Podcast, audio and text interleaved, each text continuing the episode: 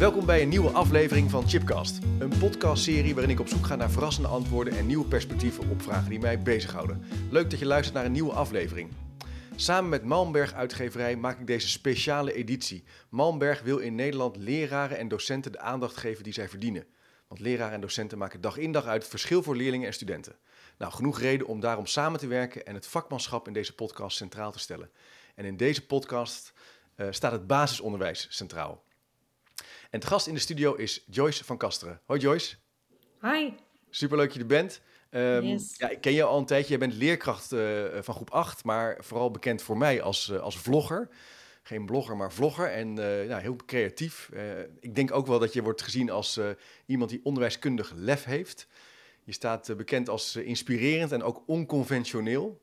En je werkt met vernieuwende werkvormen. Je gebruikt heel actief ook ICT en nou, nog van allerlei andere dingen. En je hebt ook een hele toffe website, uh, juf, jufjoyce.nl met twee E's. Ik zal hem ook even op de speaker notes, uh, speaker notes zetten. Uh, leuk dat je er bent, Joyce. Hoi.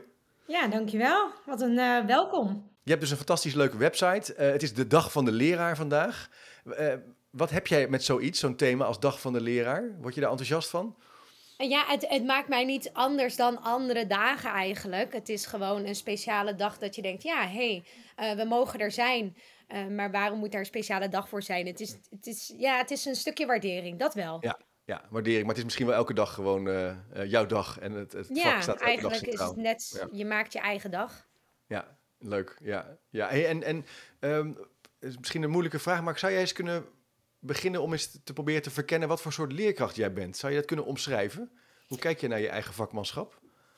Ja, ik ben zelf een hele open, enthousiaste, uh, energieke leerkracht. Ik sta ook wel bekend als, uh, ik sta met 100% voor de klas. Ik oh ja. zorg dat mijn leerlingen eigenlijk altijd op aanstaan. Um, en ik ben echt mezelf. Ik heb wel eens een opmerking gehad van zowel collega's, maar ook kinderen, dat ik echt puur ben. Dus ik ben echt wie ik ben. En het is geen maskers, geen toneelstukje. Ik, ik ben wie ik ben en dat laat ik ook graag zien. En toevallig was er dan laatst een kind uit groep 5, kwam een collega naar me toe. Moet je kijken wat iemand, um, dat ging het thema Blink over uh, iedereen is uniek, hè? iedereen ja. is anders. En wie is jouw grote voorbeeld? Waarop een kind schrijft juf Joyce, omdat zij zichzelf is. En dat vind ik wel heel bijzonder. Jeetje. Een ja. prachtig voorbeeld. Ja, maar is dat, want ik kan me voorstellen in je vak, dat herken ik in ieder geval zelf wel als docent, dat je in het begin ook wel denkt dat je iets anders moet doen of zo. Hè? Dat je een soort uh, dat je wat, wat weggaat van wie je zelf bent, of dat je nog niet alles durft te laten zien. Dat ja, is, dat is ik, natuurlijk ook wel een beetje een ontdekking in zekere zin. Ja, ik denk dat heel dat? veel leerkrachten denken: oh, kan dit wel? Of oh, vertel ik dan niet te veel over mezelf? Ja. Of uh, die zijn nog heel erg zoekende, of die zijn totaal anders in een andere setting bijvoorbeeld, omdat ze het idee hebben dat ze een bepaald voorbeeld moeten zijn voor de kinderen. Ja, ja, ja, precies. Terwijl, uh, en, en, en uh, wat zeggen collega's dan over jou? Kijk, zo'n zo'n leerling zegt dus van, nou, ik wil worden zoals jij. Hoe, hoe worden collega's dan soms horendol van jouw energie? En uh, of wat kunnen ze het wel waarderen? Het, het gaat twee kanten op. En de ja. enerzijds is het van, oh wat leuk. En sommigen kijken ook echt mijn vlogs op YouTube. En dan ja. halen ze daar inspiratie uit. En de ander denkt, hey, leuk. Maar je hebt ook, de andere kant is, wow, wacht even. Ik ben nog bezig met dit en dit. Hartstikke leuk dat jij dat doet, maar dan wordt mijn hoofd te vol. Oh ja. Dus het is een beetje twee kanten. Omdat ik heel veel energie krijg van nieuwe dingen uitproberen, experimenteren. Dingen die werken, ook heel graag delen. Maar ik merk dat niet alle collega's daar nog klaar voor zijn. Nee, nee. Nee, de ene heeft er misschien wat meer mee dan de ander. Maar wat, wat maakte nou dat jij ging vloggen? Want dat is ook echt wel. Er zijn er wel nu een aantal vloggers, maar toch niet superveel. Best wel spannend, misschien ook wel. Kan je dat ja, eens terughalen? Het, het grappige is, het begon ooit met TikTok. En um, toen zei een kind: Ja, waarom gaat u nu eigenlijk vloggen? Toen zei ik: Vloggen? Dan sta ik een beetje met mijn camera voor de klas. En ja, dat vind ik een beetje awkward, zei ik. En op het moment dat er in twee, um, 2020 lockdown was, had ik eigenlijk zoveel ideeën over thuisonderwijs. En ik had het gevoel dat ik dat uh, meerdere mensen moest vertellen. Oh, en toen was ik eigenlijk begonnen met vloggen. Toen de lockdownperiode, de eerste, kwam. En daarna heb ik het eigenlijk voortgezet. En ik merkte hoe leuk ik het eigenlijk vond. Hoe natuurlijk het ging. Hoe um, mooi ik het ook vond om dat allemaal terug te zien. Want het is ook een soort van reflectiemodel. Hè? Ik kijk mijn vlogs terug en denk ik... Oh ja, dat had ik gezegd. Of oh, dat zou ik misschien ja. anders doen. Of oh ja, dat was een mooi momentje. Oh ja, dus het is ook voor jezelf, hou je ook bepaalde lessen vast en inzichten vast. Ja, Los ja dat je dingen dat ook dat verspreidt. heel mooi is om dat, om dat terug te zien. Maar ook dat je, als je een, even een mindere goede dag hebt gehad. En dan ben ik aan het editen van twee dagen geleden. En dat je denkt, oh ja, wauw, ja. Daar, Ja, daarvoor ben ik leerkracht. ja, wat tof. En hoe ben je dan begonnen? Wat, heb je gewoon een camera gepakt en gaan, ben je gewoon gaan experimenteren dan? Oh, Ja, ja, eigenlijk met de telefoon. Ja, met je Dus ik telefoon, ja, begon met mijn mobiel. Ja, En dan eh zette ik die neer in een statief. Eh, ik was wel al bekend met filmen natuurlijk vanwege TikTok ja, eh, en social media überhaupt. En ik had wel een voorbeeld zoals Nienke Plas, die volg ik heel erg. Dat heeft niks met onderwijs te maken, maar wel hoe zij is als persoon. Want ik vind, zij maakt zich niet altijd druk om wat anderen vinden. Ze is puur. ja, Ze laat de goede kanten zien, maar ook de minder goede kanten. En dat vind ik, dat, je, dat maakt jou puur. En dat was mijn grote voorbeeld. Als in, dat wil ik ook laten ja, ja, zien. ja. En toen ben ik maar gewoon, ja, gaan filmen. Ja, zo, maar zo werkt het natuurlijk wel. Je moet ook gewoon maar gewoon beginnen, een beetje durven. Ja, ja je, moet, je moet durven. Ik denk dat er heel veel leerkrachten zijn die het op zich wel zouden willen. Maar die denken, oh nee, camera, camera op mijn gezicht en Ja, in de klas. En dat vind ik raar. En terwijl we, denk ik, best wel met z'n allen veel meer zouden kunnen delen op deze manier. ja. Ja, ik vind dat ook het leuke aan social media en ook wel deze vormen van kennis delen. Dat je daardoor allerlei mensen kunt volgen over de hele wereld eigenlijk. Maar in Ja, ieder geval ja, in Nederland, ook daarbuiten, die met hun vak bezig zijn. En die, die iets doen wat jij ook leuk vindt. ja, En daar kan je natuurlijk ontzettend veel van leren. En dat is echt wel een, een tijdperk waar we in leven. Waar, er zit zoveel kracht in die vormen van kennisverspreiding hè, eigenlijk. Ja, het Dus is, dat, social ja, media heeft echt wel eh, hele mooie kanten wat dat betreft. Want als ik kijk ook, hè, je zit natuurlijk in een, in een team. Nou, het team bestaat ongeveer uit 25 man. ja, Eh, en je hebt zoveel meer leerkrachten. En ik merk gewoon dat ik ook, ik moet ook ik inspireren, want dat is natuurlijk mijn doel met dat filmen. Eh, maar ik moet ook ergens geïnspireerd worden, want daar haal ik weer nieuwe energie uit. En dan gaat mijn, dan gooi ik mijn eigen sausje eroverheen. Maar dat ja, heb ja, ik ook nodig. En dat is de kracht van social media. superleuk. Hè? En wie was nou, eh, toen jij jong was en op school zat, een voorbeeld voor jou? Ja, daar had ik inderdaad over nagedacht. En toen dacht ik, eh, be- be- bedoelen jullie dan hè, je meester of je juf van vroeger? Ja, meester of een juf, een, een Ja, docent.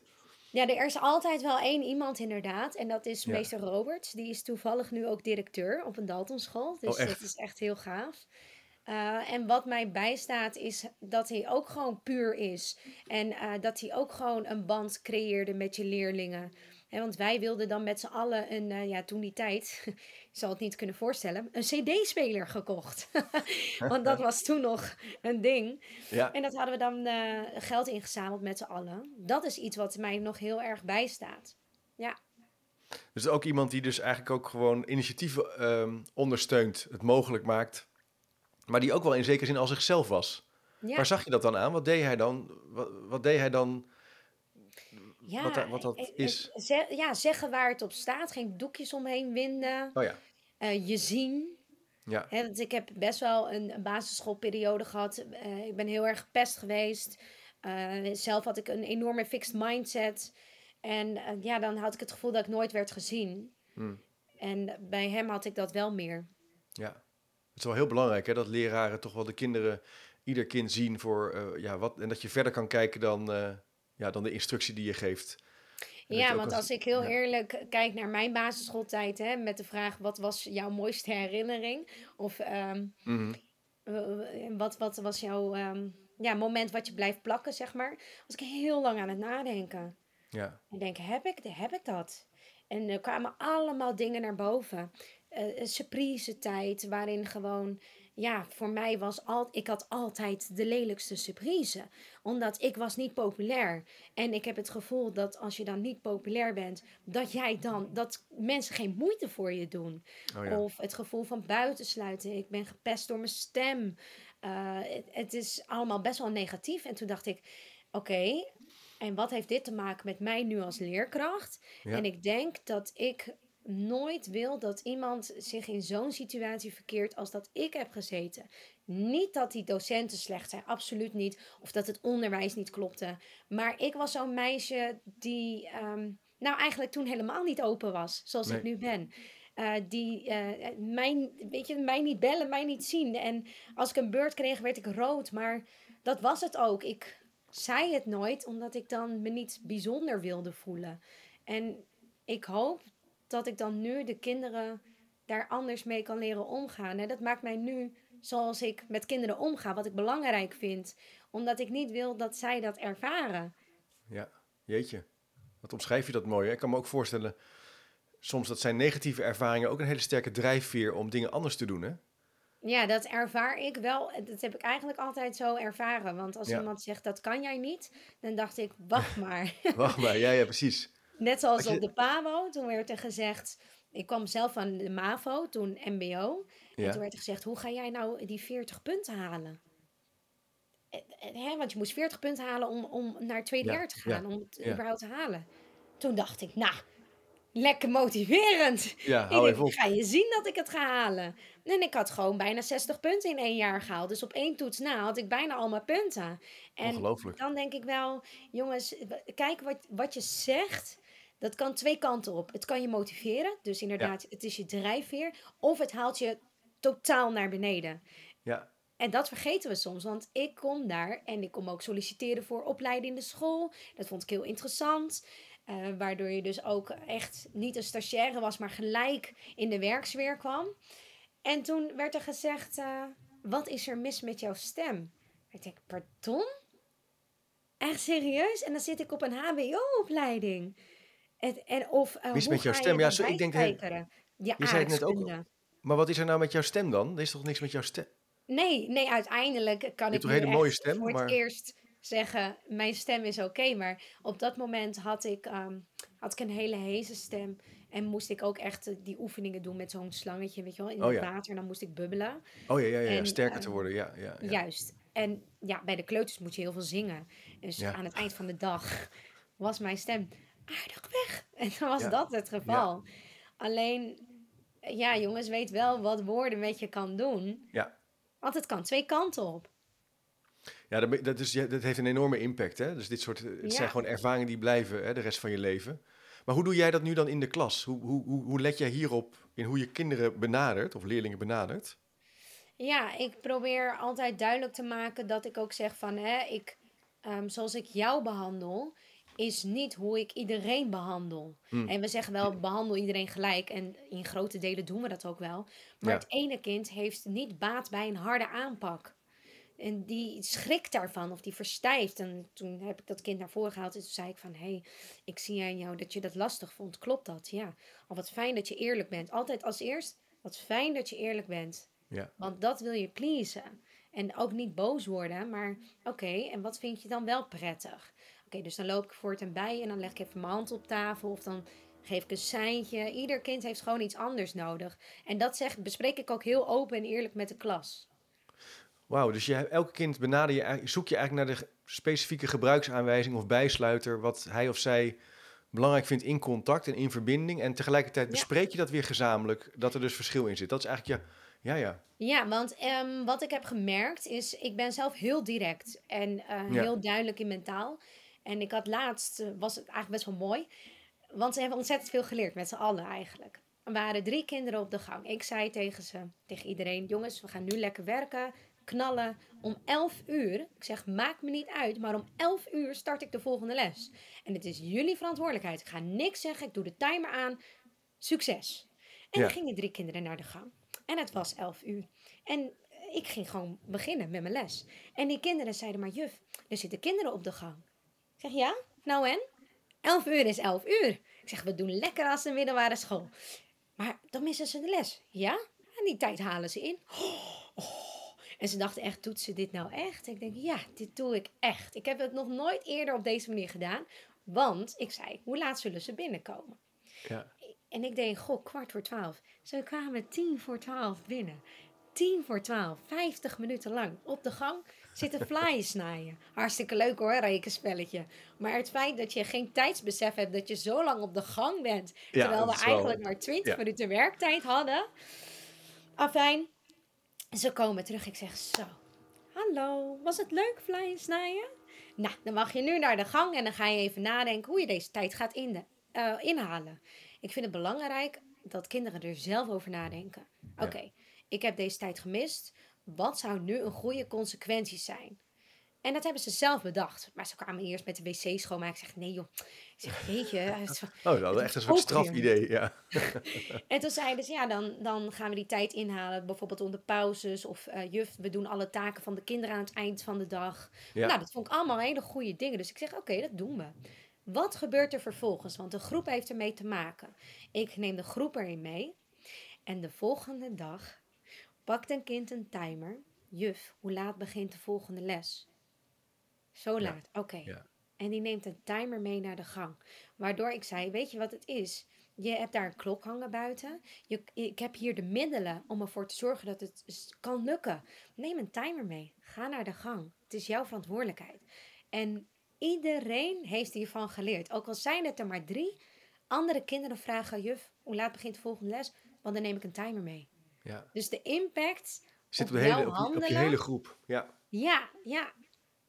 Wat ontzettend, wat een mooi voorbeeld. Want je geeft ze ook de verantwoordelijkheid, maar in zekere zin bied je ze ook ruimte om, om de fout te maken. Hè? Om echt te leren van de ervaring. En het is soms best lastig natuurlijk om conceptueel zonder een ervaring te weten hoe je iets moet doen. En ik kan me voorstellen dat dat, dat, dat, jou ook, dat je daar ook vol op inzet. Hè? Om ze echt die verantwoordelijkheid op die manier te geven. En wat leuk dat dus ook andere kinderen daar ook weer op reageren in de klas. Ja, dat vond ik heel mooi. Dat is wel mooi, je, als leerkracht grijp je gewoon vaak in of hou je de controle zelf. Tuurlijk, ik had ze kunnen halen.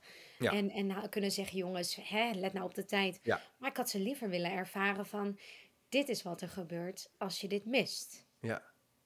En je hebt een hele leuke les gemist. Dus ja, dat is zonde. Ja, precies. Dat gebeurt nooit meer. Nee, nee, nee. Dat, en dat is het. Het kost je één keer drie kwartier. Dat je denkt, oh, ze hebben een les gemist. Jeetje, wat zonde. Maar ze zullen het nooit meer vergeten. Nee.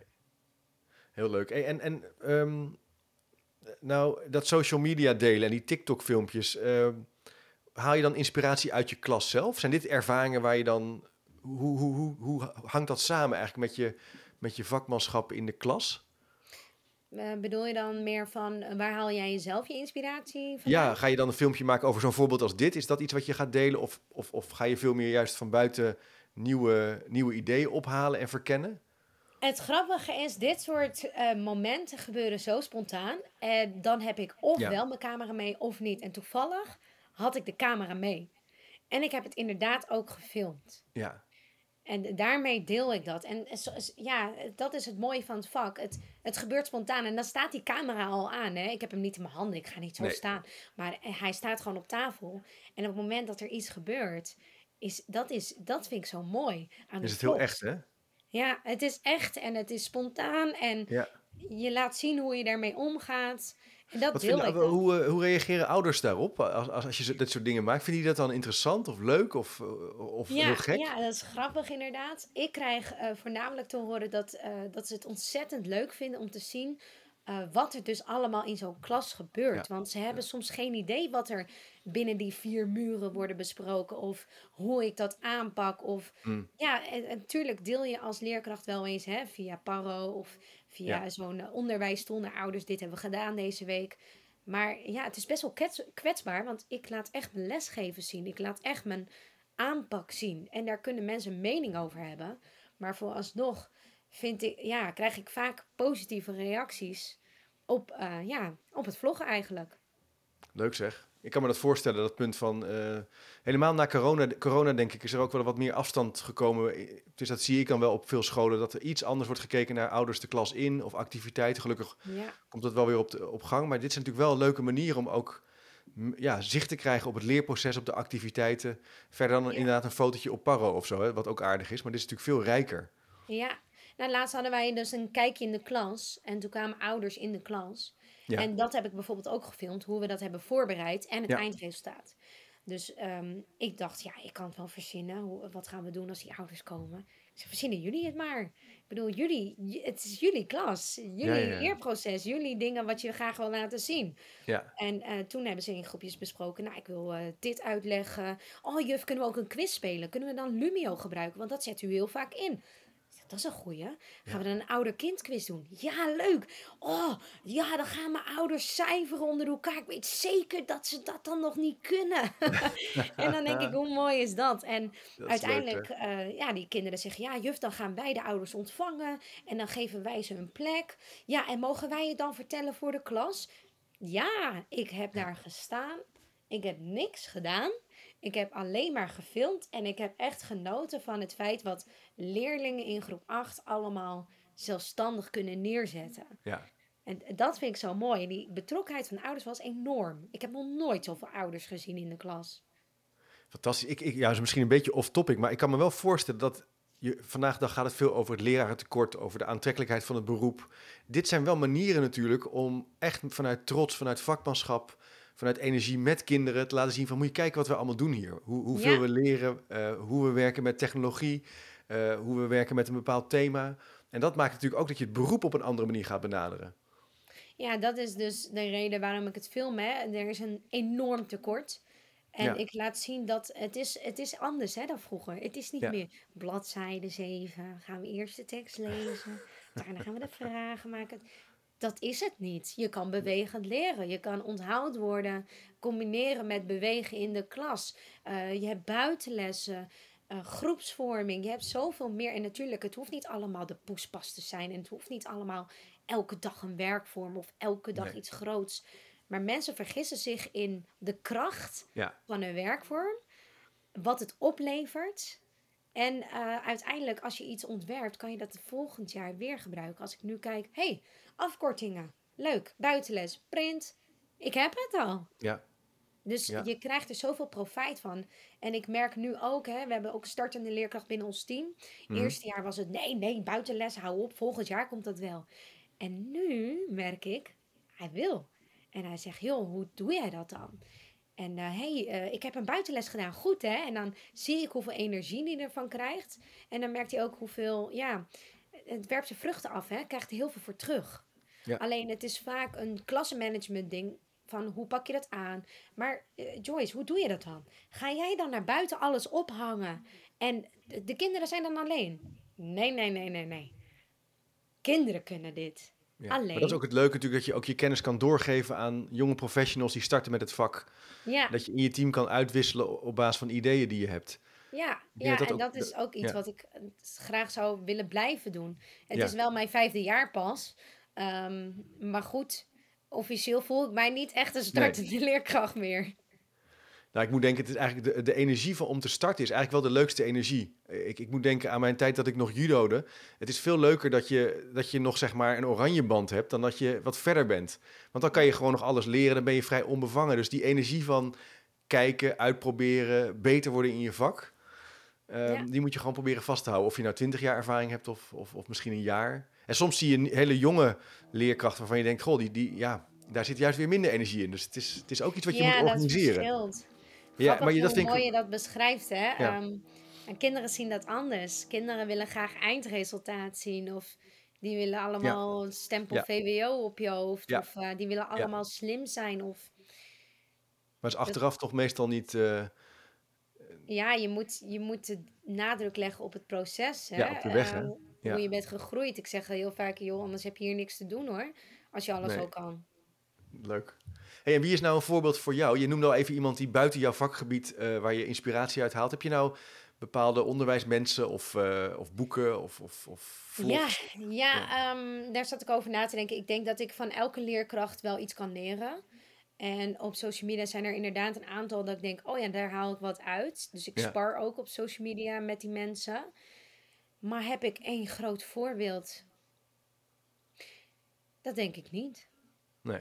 Uh, ik vind het ook lastig, hè, want um, hoe staat diegene dan voor de klas? Want we kunnen allemaal een verhaal verkopen. We kunnen allemaal schrijven uh, over onderwijs en we kunnen allemaal onze ervaring delen. Maar hoe staat iemand voor de klas? En ik laat dat echt zien in de vlogs, maar ik weet niet hoe dat bij anderen nee, is. Dus dat wil je ook wel weten dan? Ja, ik ben oprecht geïnteresseerd om te kijken bij anderen, hoe doen ze dat? Ja, ja. Dus dat moeten we ook gewoon meer laten zien aan elkaar dan misschien. Het is, ja, dat, dat denk ik wel. En niet alleen binnen je Oh, sorry. Nee, nee, ga, ga je gang. Niet alleen binnen je school, maar ook daarbuiten. Ja, ja. Leuk. En als jij nou minister van Onderwijs zou zijn, wat zou je dan aan gaan pakken? Ja, nou ten eerste de mindset. Omdat ik vind dat ik in groep 8 kinderen krijg die nog niet echt tot leren komen door hun mindset. En ik ben van mening als je dat door alle leer, ja, leren jaren doet en dan steeds dieper gaat, dat je echt dan het beste uit een kind kan halen.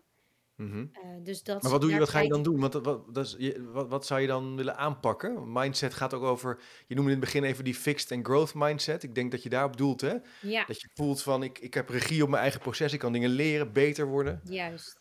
Zou, je daar, zou dat betekenen dat je het curriculum zou aanpakken? Of, uh, moet ja. Er ja, ja, toch wel. Dit moet, echt, dit moet echt in het curriculum. Ja, zeker weten.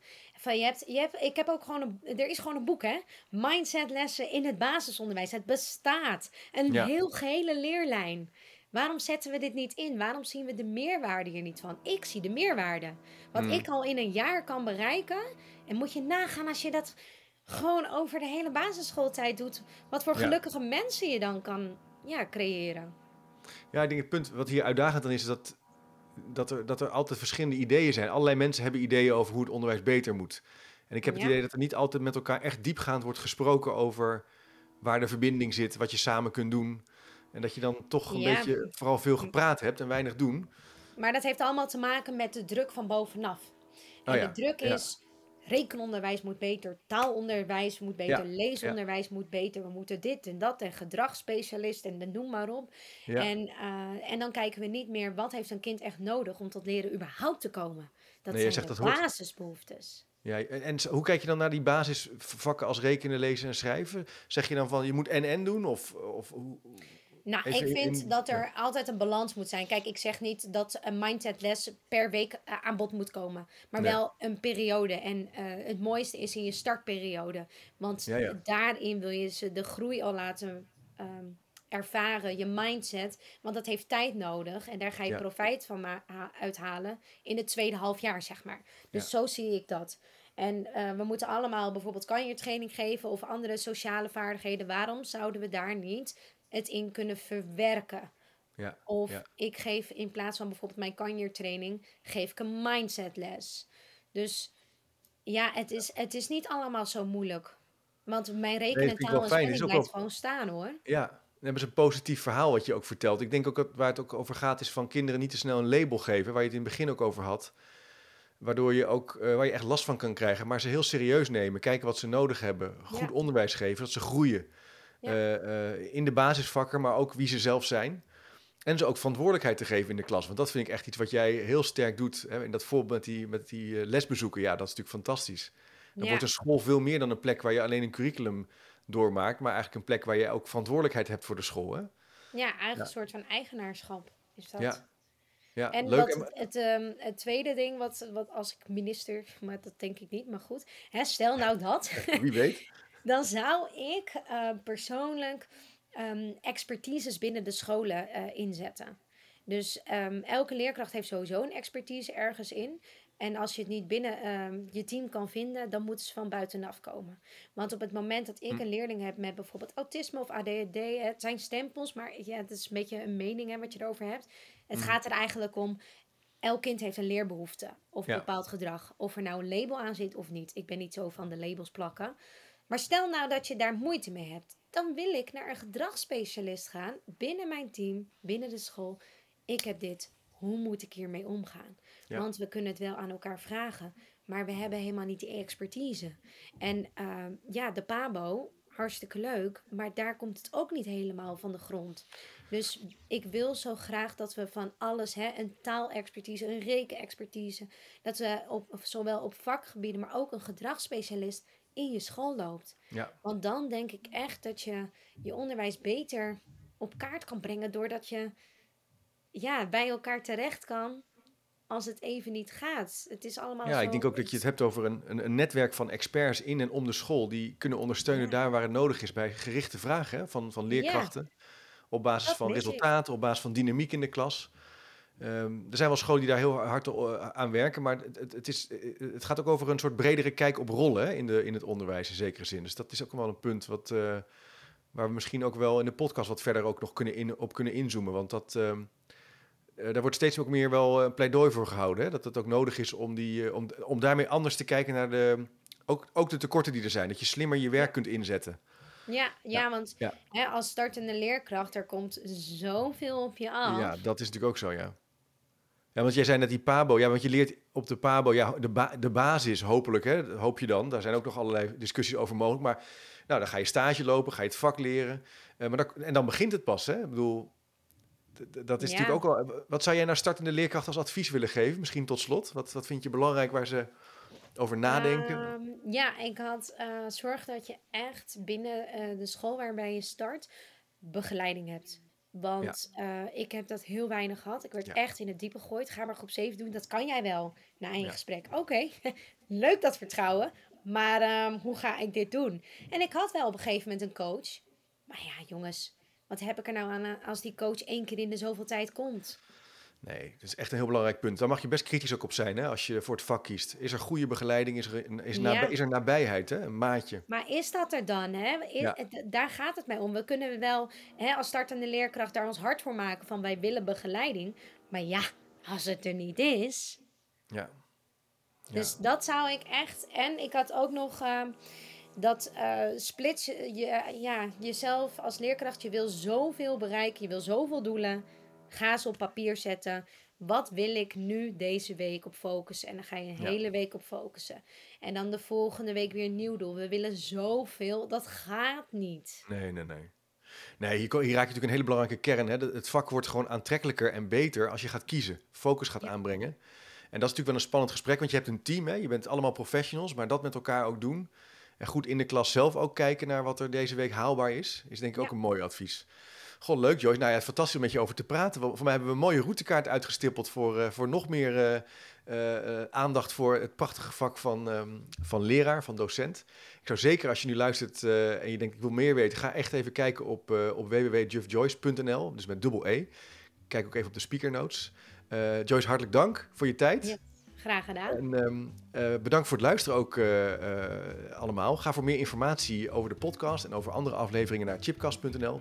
En vergeet je niet te abonneren op de podcast of op YouTube als je kijkt. Ja, deze aflevering is overigens niet op YouTube, want die doen we online. Um, de podcast is dus een samenwerking met Malmberg Uitgeverij. Kijk voor meer informatie over wat Malmberg allemaal doet op www.malmberg.nl. Ik zou zeggen, tot de volgende keer.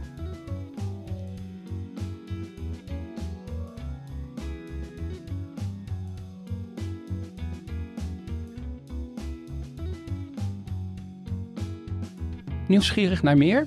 Abonneer je op de nieuwsbrief en je mist niks. Ga naar www.chipcast.nl slash doe mee.